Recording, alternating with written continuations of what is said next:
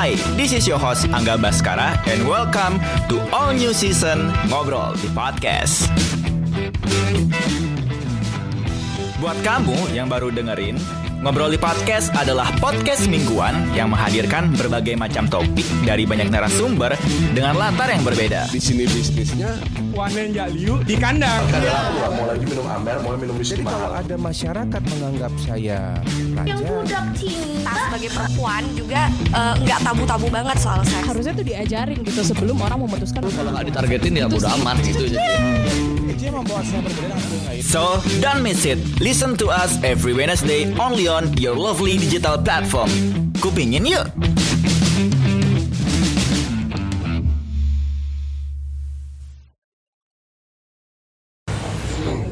Ini kita satu shoot dua shoot dulu boleh lah ya Boleh. minum pak dek Nah, nggak santai santai. Udah minum tadi? oh, udah tadi udah minum Udah ada acara di pantai UMKM layang-layang. Hah? Sudah minum sana. Wah, katanya Pak Dek kalau minum tuh emang satu hari harus dapat satu shot dua shot ya?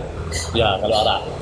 Kalau arak saya sebelum tidur pasti nyari arak. Hmm. Kalau bir nggak tentu. Tadi undangan UMKM layang-layang Expo di Sanur Ah. udah dapat dua botol besar deh. deh. Tapi araknya hari ini udah Araknya ntar ntar malam. malam. Ntar malam. Tapi tadi sudah sih satu Ah. stoki karena kebetulan arak dari rumah Mhm. mau dijual di warung saya testir tester dulu. Ah, di tester dulu. Oh ya ya ini udah jual sekarang karena kalau di warung Mhm. dijual tuh kan ibaratnya arak tuh ada yang muda, ada yang tua. Kok kayak cewek nih ada yang muda, ada yang tua nih. Karena gini. umur, Oh karena arak iya itu iya. adalah iya. fermentasi senyawa yang hidup. Ah, ah, betul sih, benar. Ya makanya pada artinya oh ini araknya sudah berumur satu minggu, Hmm. oh layak untuk dijual sekarang.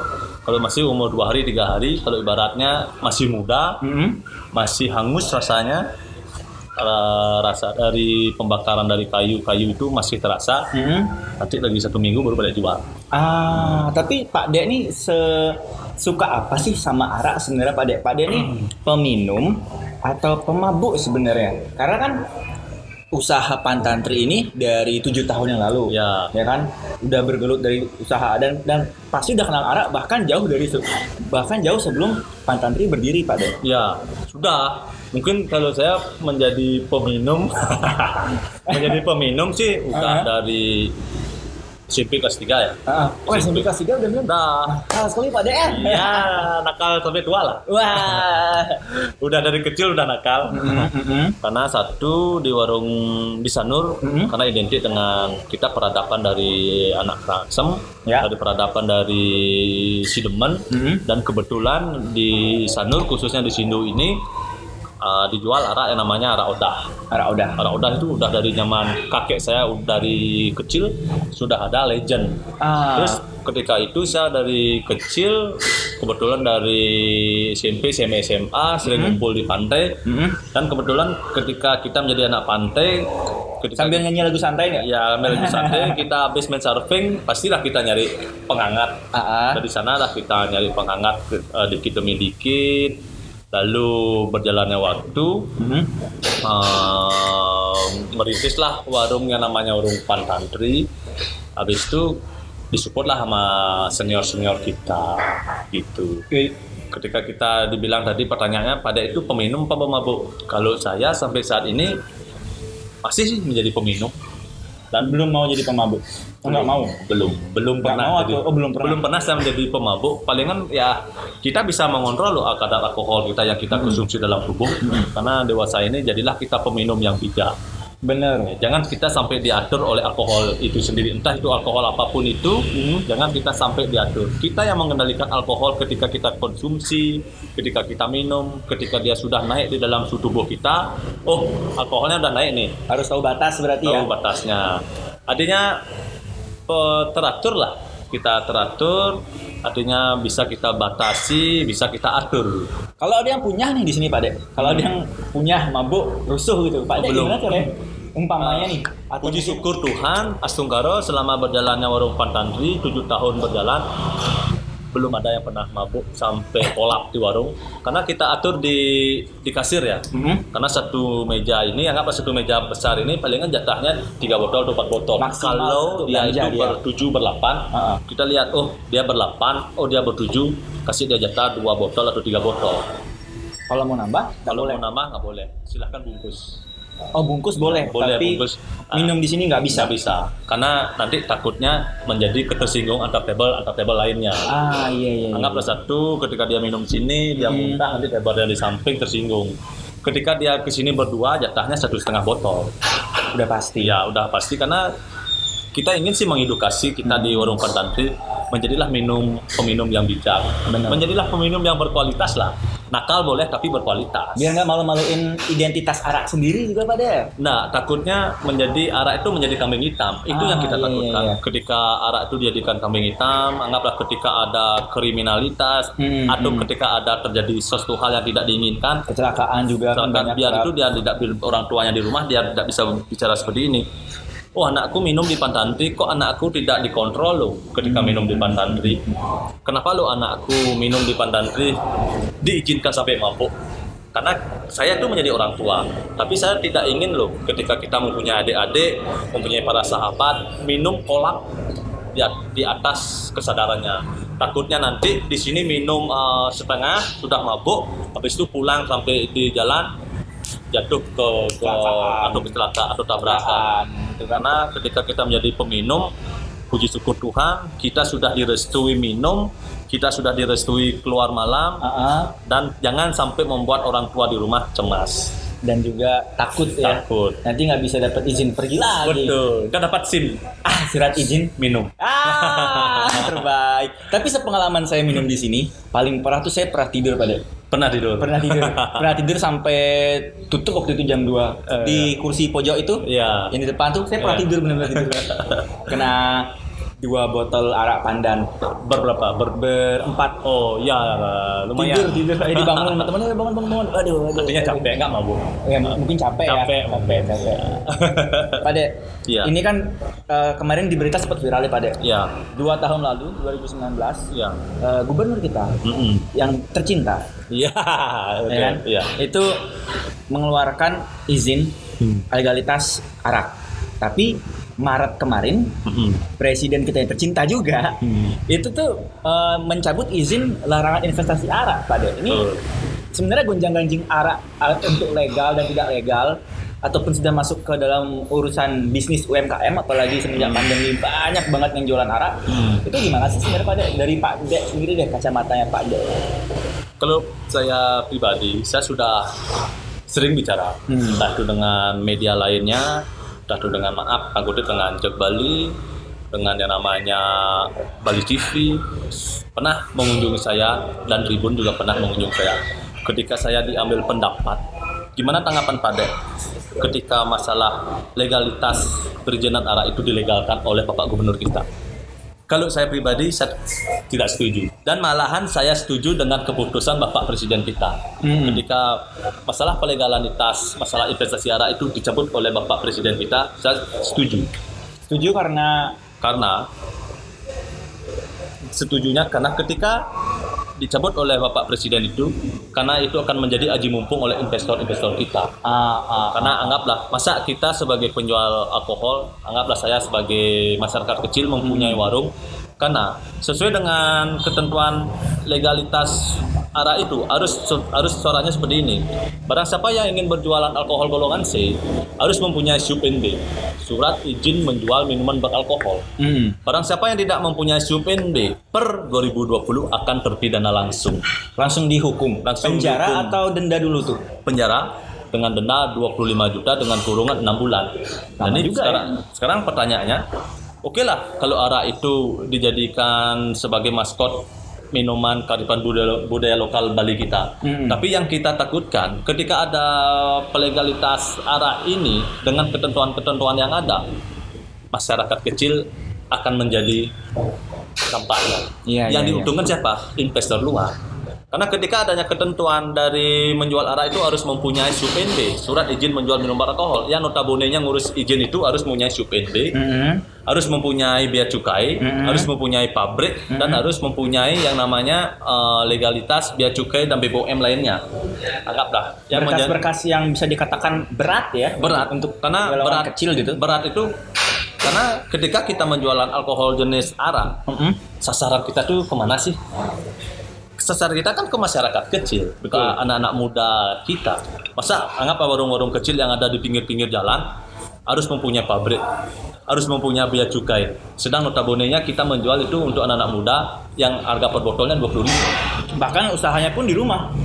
Ya, usahanya di rumah Yang ada. yang memang by order di rumah, Ada, itu. online, nggak punya toko. Ya, gitu. ketika berwisata dalam titik nol seperti ini, banyak loh anak-anak muda kita berjualan anak. Sudah banyak anak-anak muda kita yang sampai ditangkap, sampai di stop usahanya karena belum adanya legalitas izin.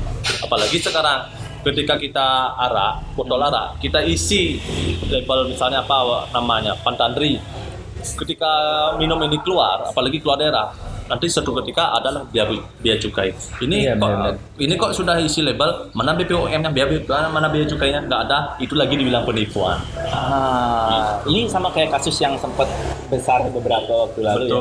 ya. Ada satu produk, ya eh, produk minuman alkohol ya, juga. tapi nggak perlu dibahas itu Ah, dan- biar tapi- kasusnya nggak viral Iya iya benar itu juga teman dan sahabat kita Jadi ini saya juga saya juga menikmati Ah, minumannya iya. kebetulan. itulah kita ketika kita uh, penerapan seperti ini Hmm.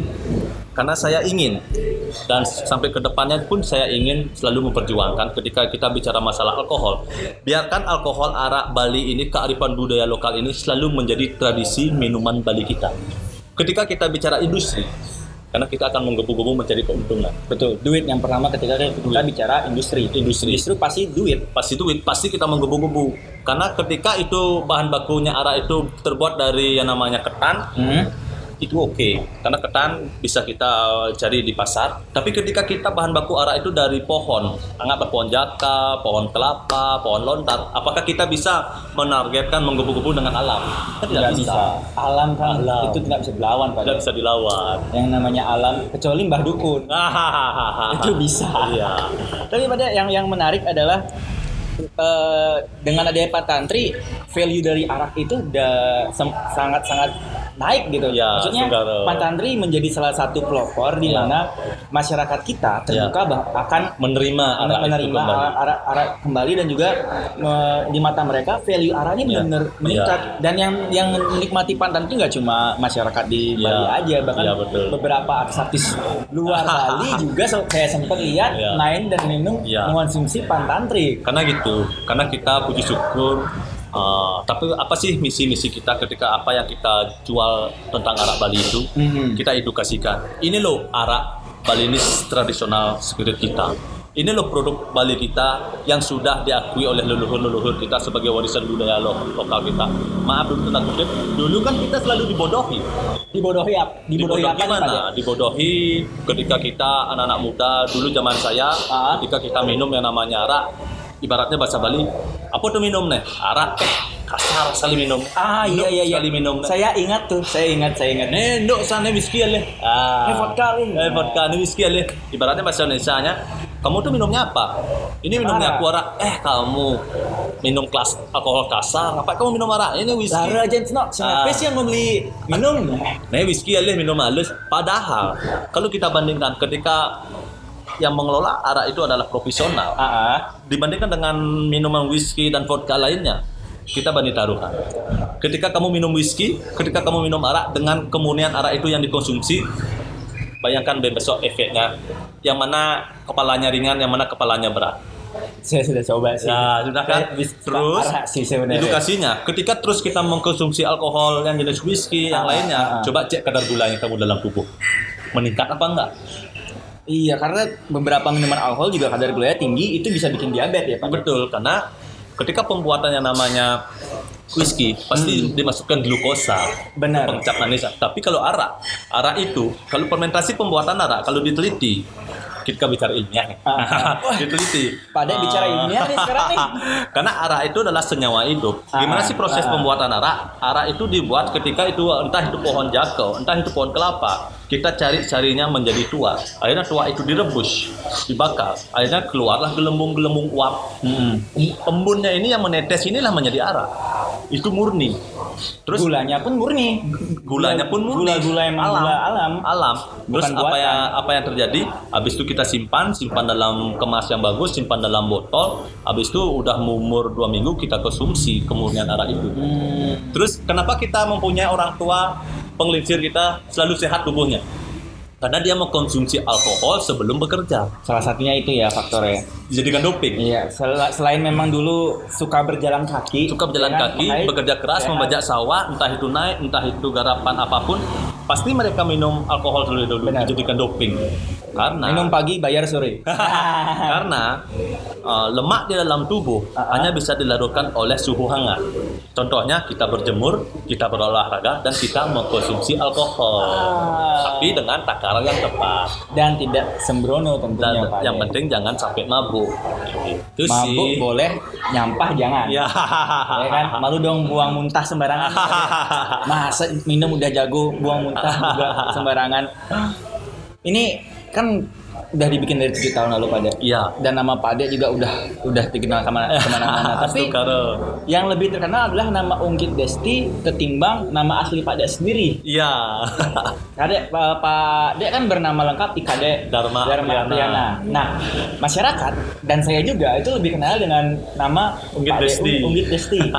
itu bekennya mulai kapan sebenarnya Pak Dek? Kalau boleh tahu Pak Dek? Kalau dulu sih bekennya nama saya kan eh, dari zaman SD atau SMP sudah saya terima nama itu dibilang Dek Unggit. Nah, Dek Unggit, Dek Unggit. Oh, Dek Unggit, oh anak lokal dari Sindu tuh pesisir tuh dia suka main surfing. Habis itu zaman SMP Dek Unggit, ah, oh Dek Unggit itu dia tuh pesilat dulu di Sindu, ranting Sindu. Dia tuh berkarir di dunia pencak silat, cabang olahraga. Akhirnya, ketika ngetren yang namanya zaman Facebook dulu ya, Ya, 2007 masuk ya, Facebook, tuh. Facebook, uh, BBM, Friendster nggak main Pak Dek berarti? Nah, Ah, main iya, Facebook iya. sama uh, Instagram aja. Ah. Akhirnya Unggit, masa dibilang Unggit, mau ditambahin lah Desti, Unggit Desti. Karena kecintaan saya dan hobi saya tentang horor. Misalnya orang horor suka mistik-mistik tuh, Ah. Desti itu katanya mistik artinya. Oh, Desti itu artinya mistik. mistik ya, horor lah.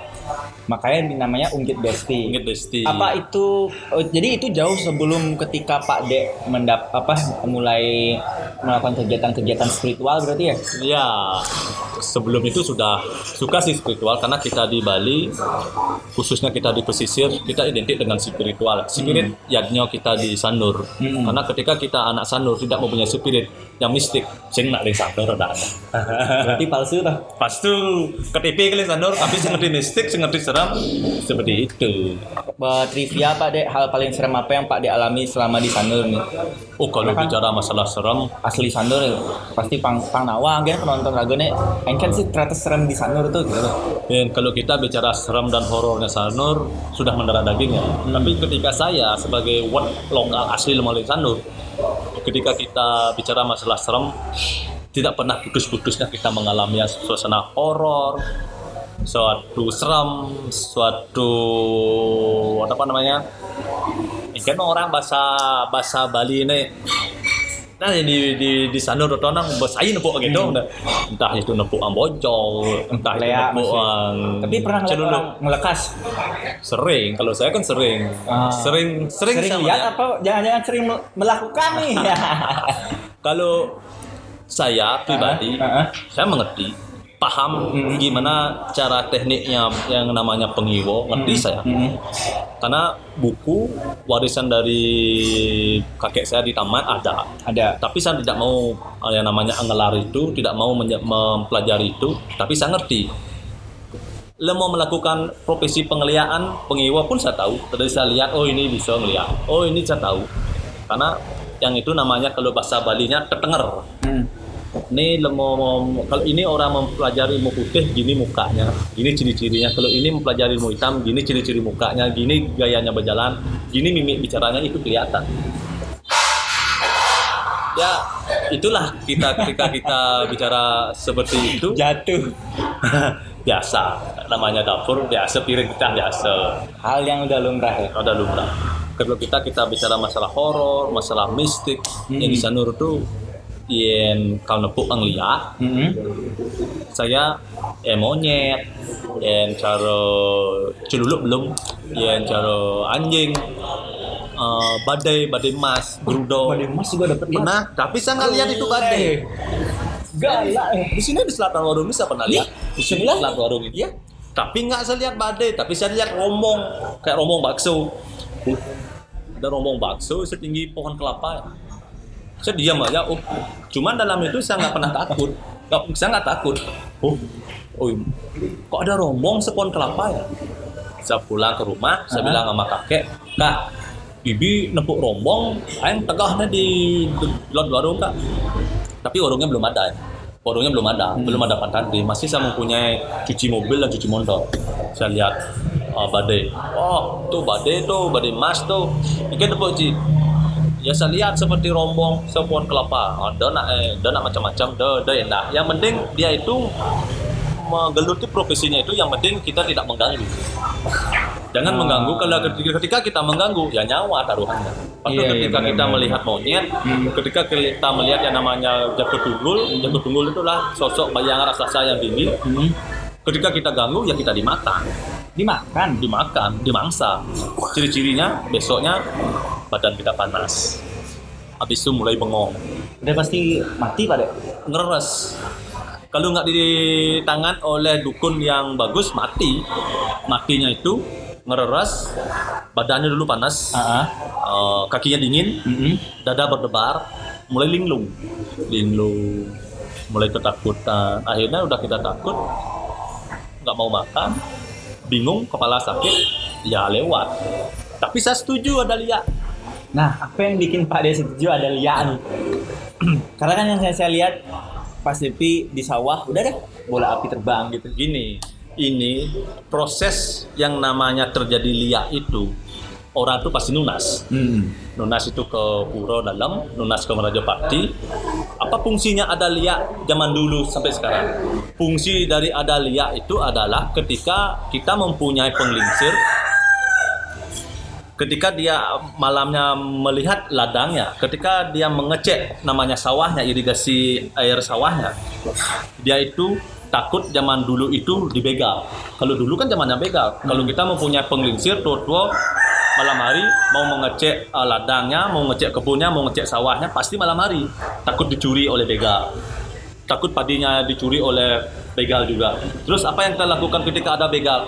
Ya merubah wujud menjadi raksasa, ya merubah wujud menjadi monyet, ya merubah wujud jadi celunduk. Un- awalnya fungsinya untuk menakut-nakuti. Untuk uh, menakuti Dan dan, melakukan diri. perlawanan. Ah, iya, akhirnya iya. berjalannya waktu, taksu ada, uh, akhirnya yang seperti itu digunakan jaga diri. Tapi sebenarnya sih ilmu lia itu sebenarnya satu. Ilmu putih dan ilmu hitam itu satu. Da- daksa aksara itu satu. Ketika kita digunakan untuk bertahan Hmm. yang menjadi ilmu putih. Ketika kita gunakan untuk menyerang yang menjadi ilmu hitam. Balik ke personalitinya. personalnya. Ah, itu. Saya sempat lihat di Instagram Pak Dek nih kemarin melakukan eh, audiensi ya kan sama eh, wakil ketua pariwisata Bali. iya ya gini. PHRI Ah, eh, ketua perhimpunan hotel dan restoran Indonesia Nah, itu tuh kan ngobrolin tentang pembukaan pariwisata Bali nih. betul Sengebet apa Pak Dek untuk dibuka Bali ini Pak Dek? ya Kenapa ngebet kok ngebet ngebet banget Apa? gitu? Karena ketika kita kita bicara kecil, saya nggak mau bicara Bali ya, Hmm. karena Bali sudah ada menghitung itu. Kita kita bicara Sanur. Saya sebagai warga Sanur asli, saya sangat berharap Hmm. ketika pariwisata Bali itu segera dibuka, Hmm. terrealisasi agar segera dibuka. Karena karena karena gimana? 85 persen roh dan nyawa dari masyarakat Sanur itu adalah pariwisata. Entah itu dia di, di dunia transport, entah itu dia di dunia arsop perdagangan, entah itu dia di dunia pariwisata lainnya, Atau pantai. pantai, restoran, hotel kah, dari villa-villa kah, dari homestay-homestay kah yang ada di rumah-rumah dari masyarakat Sanur. Karena situasi pandemi saat ini 85% masyarakat Sanur sekarang tidak bekerja. Oke lah, kalau orang dari luar Sanur yang bekerja di hotel Sanur dia kembali ke rumahnya merantau, dia punya ladang. Ketika saya sebagai masyarakat asli Sanur, mana ladang saya? Hanya kita mengharapkan pantai. Ketika kita ke pantai, kita tidak punya prasarana. Prasarana itu apa? Ya ada jukung pak, pancing pak. Kita tidak kuasa dengan seperti itu. Karena ketika yang lahir dengan nelayan, dia kena prosesnya di nelayan. Ketika masyarakat Sanur yang anggaplah masyarakat kan Sanur yang tidak mempunyai sawah, ladang, apa yang harus kita lakukan? Ada jukung, jukungnya ada. Buat beli bensinnya. Ada Nggak bisa- jukung, nggak bisa jalan tapi jukungnya. khusus nelayan. Sedangkan daerah Sanur lain apa yang kita lakukan? Ya kita harus mengharapkan ketika pariwisata ini akan segera terrealisasi dibuka. Walaupun itu kecil, kita mengenalkan pariwisata domestik. Ya Sukaro puji syukur ya. Tuhan. Semoga terrealisasi Juni Juli ini pariwisata Bali akan segera dibuka. Karena itu adalah angin segar dari masyarakat pesisir kita. Karena kita bicara kecil khususnya untuk Sanur. Ketika kita bicara Bali, tak tahu saya. Karena Bali itu udah luas. Dah ada yang ngurusin. Ada ya. dong ruang dong, udah ragong bicara seperti itu karena Kecuali Pak De Unggit nyalon. nggak mau saya. Oh, nggak mau. Nggak mau. Beneran nggak mau nyalon. Nggak mau. Iya, dan pasar aja dah. Banyak sih yang menawarkan. Sanur, 2020. nggak mau Sanur nyalon. mau. Kurang gagah saya. Kurang rebel nggak? Ah, kurang kurang bajingan lah, kurang nakal lah. Wah, nanti jadi sosok Unggit Desti yang beda. Ya? beda, kalau ditekan. Ah, iya benar benar benar. Kita bicara Bali, bicara Sanur. Sanur ada Pantantri. Iya. Dua hal yang diingat dari uh, Pantantri adalah jargon lokalan dan juga saudara sebotol. Iya. Eh, ketika saya baca saudara sebotol itu ingetin saya saya sama salah satu lagu Betul. saudara sebotol. Botol, botol Lok baru. Itu sahabat saya. eh, darah kita alkohol gitu. Iya, darah kira alkohol. Dan kita lahir dari kontol. I, i, bener, sperma kan dari kontol. Iya, itulah Ini sebotol. Kok bisa sih muncul jargon-jargon ini nih memang disengaja atau dari mana nih awalnya nih Pak Den nih? Gini, saya emang menginspirasi lah kata-kata saudara sebotol ketika lagu itu dibawa oleh Buguna Lowak Waru. Mhm. Waktu zaman saya 90-an, 97-an, 97. Saya umur 3 tahun tuh.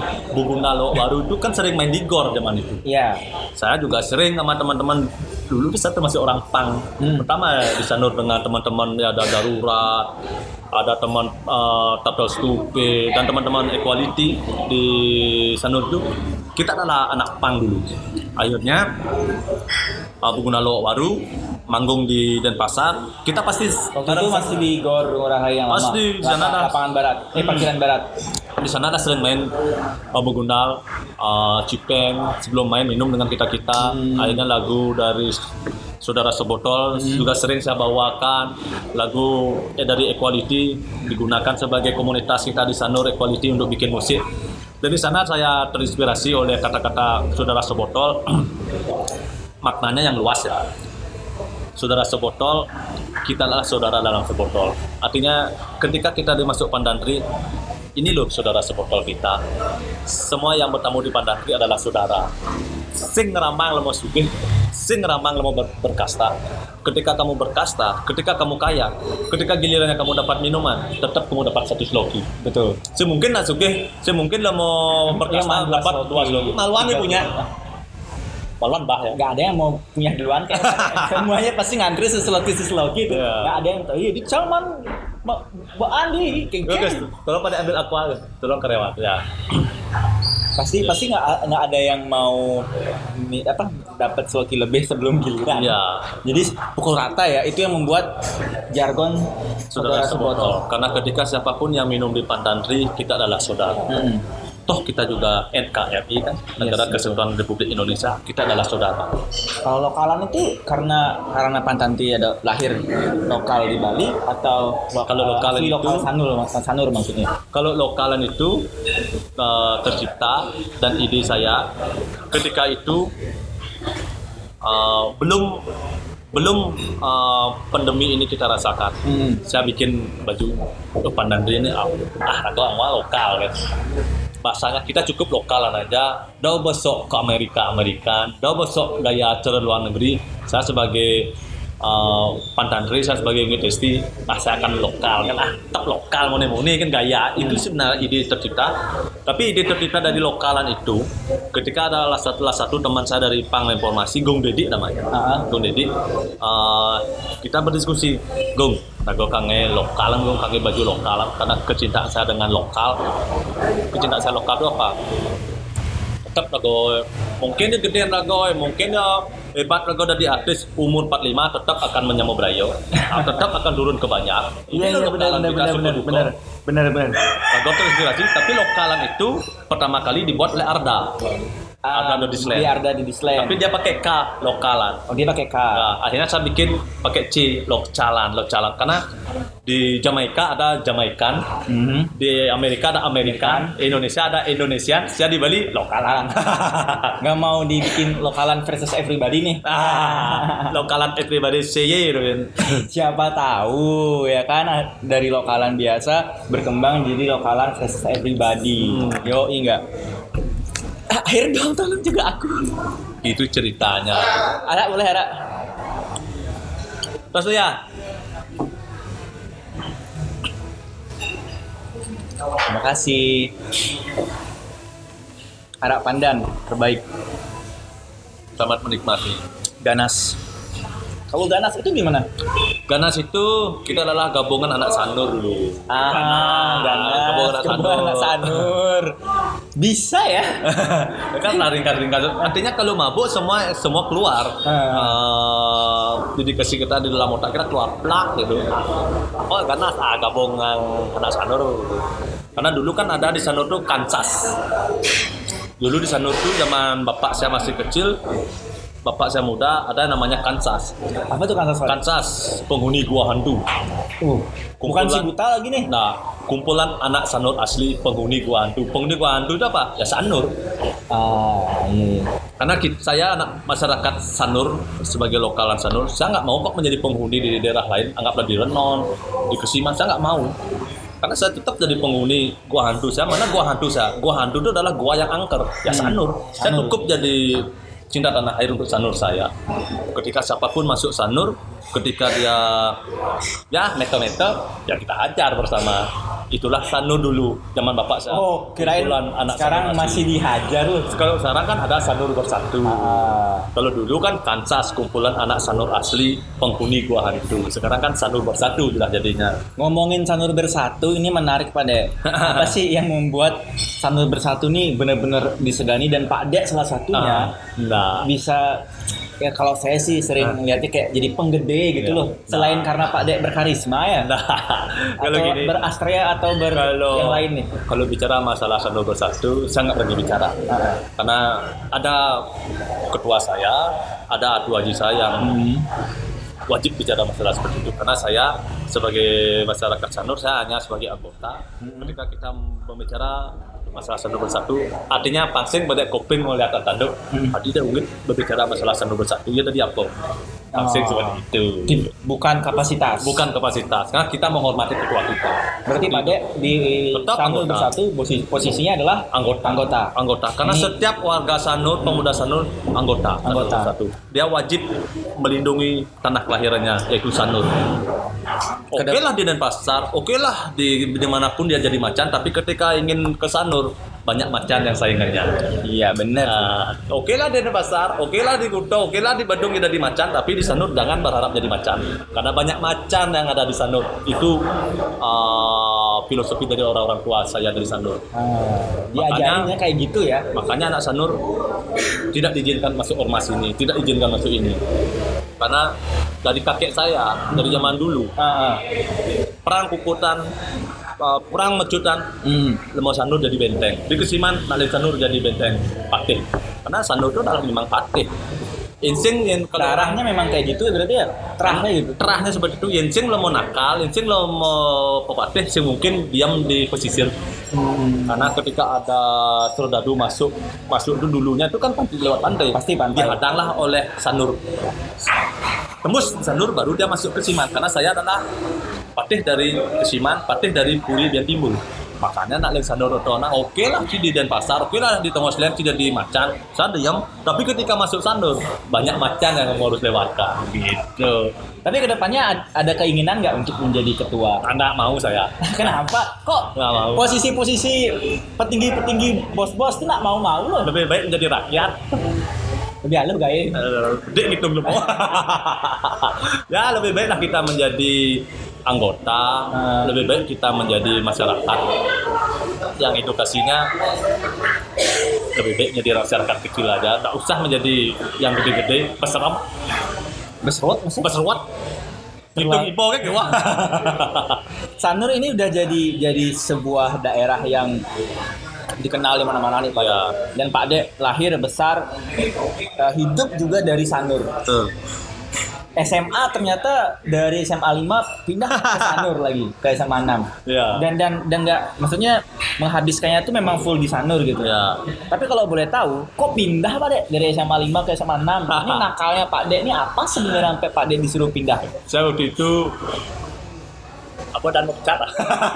Oh, Dek. Oh. saya kan hobi saya berantem dulu. Ah. Ketika saya waktu itu uh, baru masuk SMA 5, Tapi itu udah jadi atlet silat waktu itu. Saya SMP nggak jadi atlet. SMP, SD saya malahan atlet. Ah. SMP saya sudah minum. SMP saya sudah minum. Akhirnya dimarah sama bapak. Kebetulan bapak adalah pelatih saya di ranting. Sama Pak Man saya, sama Pak De saya. Pak De, udah sih minum silat. Ah, pad. Pad saya baik saya main surfing dulu, saya minum. Akhirnya SMA.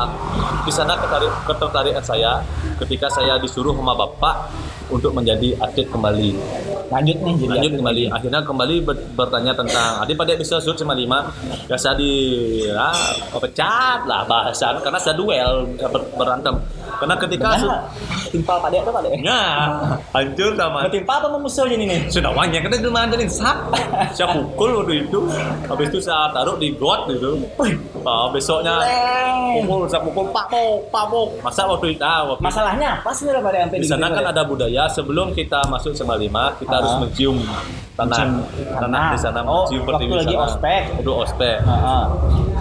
Uh, itu tradisi budaya di sana bagus itu tapi ketika saya dicium masa saya disuruh cium di debu? Nah di debu pas giliran saya cium saya di debu. Yang lain padahal di rumput. Kok saya di debu ya?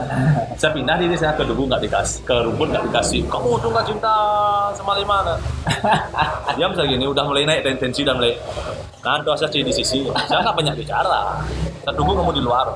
Oh, itu baru masuk baru masuk ini ya? Baru, baru masuk. masuk itu baru masuk. Baru tapi masuk udah ke udah bayar sih. Ah. udah bayar sih udah bayar SPP udah udah bayar semua habis itu saya tunggu kamu di luar ya itu dia Oh, ini kakak kelas. dia menjadi senat apa nama pionir pionir apa dan lupa Osis, saya. osis, ya osis, osis. osis. nah itu dia saya tunggu di luar baru saya lihat saya langsung hantam Nggak dikasih, nggak dikasih nafas, nggak dikasih ngomong. Enggak kasih ngomong kalau kalau dikasih ngomong saya nanti dipukul. Oh, iya. Lebih baik kita mendahului. Wah waktu itu kalau saya di jalan saya pasti mendahului. Saya nggak mau ditunggu. Nggak pakai babi bu. Pasti menyerang duluan.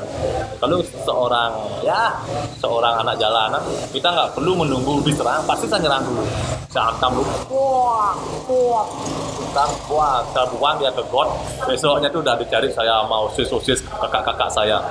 Udah macam burung ini, ini, ini, ini. Ah, Ben, kita sombong dulu, dah. Urin sama udah Ben, Ken, Ben, Udah saya bawakan pedang sana. Pedang, Ya. katana. Waktu SMA kan saya nakal. Ah. Akhirnya Bawa bapak, katana nih beneran. habis itu bapak saya kan khawatir Ah. karena ketika saya hilap, ah, langsung saya dipindahkan ke mana. Jadi, Akhirnya jadi belum belum belajar tapi udah pindah. udah pindah, tapi udah bayar. Tapi udah bayar. Udah bayar. Akhirnya pindah semana, langsung karo sampai tamat. Ya. Di SMA 6 nggak ada apa-ngapain. No, saya kan memang poldos orang baik. Kalau enggak, ya enggak aja saya didahulukan, dah dulu kan, ya pasti saya diam. Saya paling kan diam, senyum. Tapi kalau saya dibangunin ya saya makan itu enggak di bahasanya. Jadi diam, kalau udah diaduk baru aja baru hantam. semua kayaknya anak-anak jalanan strateginya seperti itu. Pasti orangnya baik-baik kok. Sampai sekarang masih kayak gitu Pak Dek? Kalau saya nggak ada. Sekarang kan sudah sudah putih lah, sudah ilmu putih lah. Artinya kita sudah Tenang. lepas, sudah tenang. Apa sih yang kita kejar sekarang? Apakah ego? Apakah kita masih akan mengenalkan hantam? Apakah kita masih mengenalkan kekuatan tangan ego kita? Sekarang kan kita menjadi sahabat, menjadi pertemanan. Lebih baik jangan menemukan masalah seperti itu. Karena sekarang edukasinya menang masuk ke polisi, kalah masuk rumah sakit. Pasah, pasah, menang di penjara, kalah masuk rumah sakit. Mau mau yang mana pun posisinya lebih sama-sama baik berdamai ya walaupun dibilang getap. Eh pada getap jadi semenin jagur. Nah pang pada getap jadi ci menang gitu. Jadi punya teman seribu lebih baik dari Lebih baik, punya sesuatu ya. ya Asungkara sih ke depannya kita lebih baik me- menjalin persahabatan mencari koneksi-koneksi lainnya.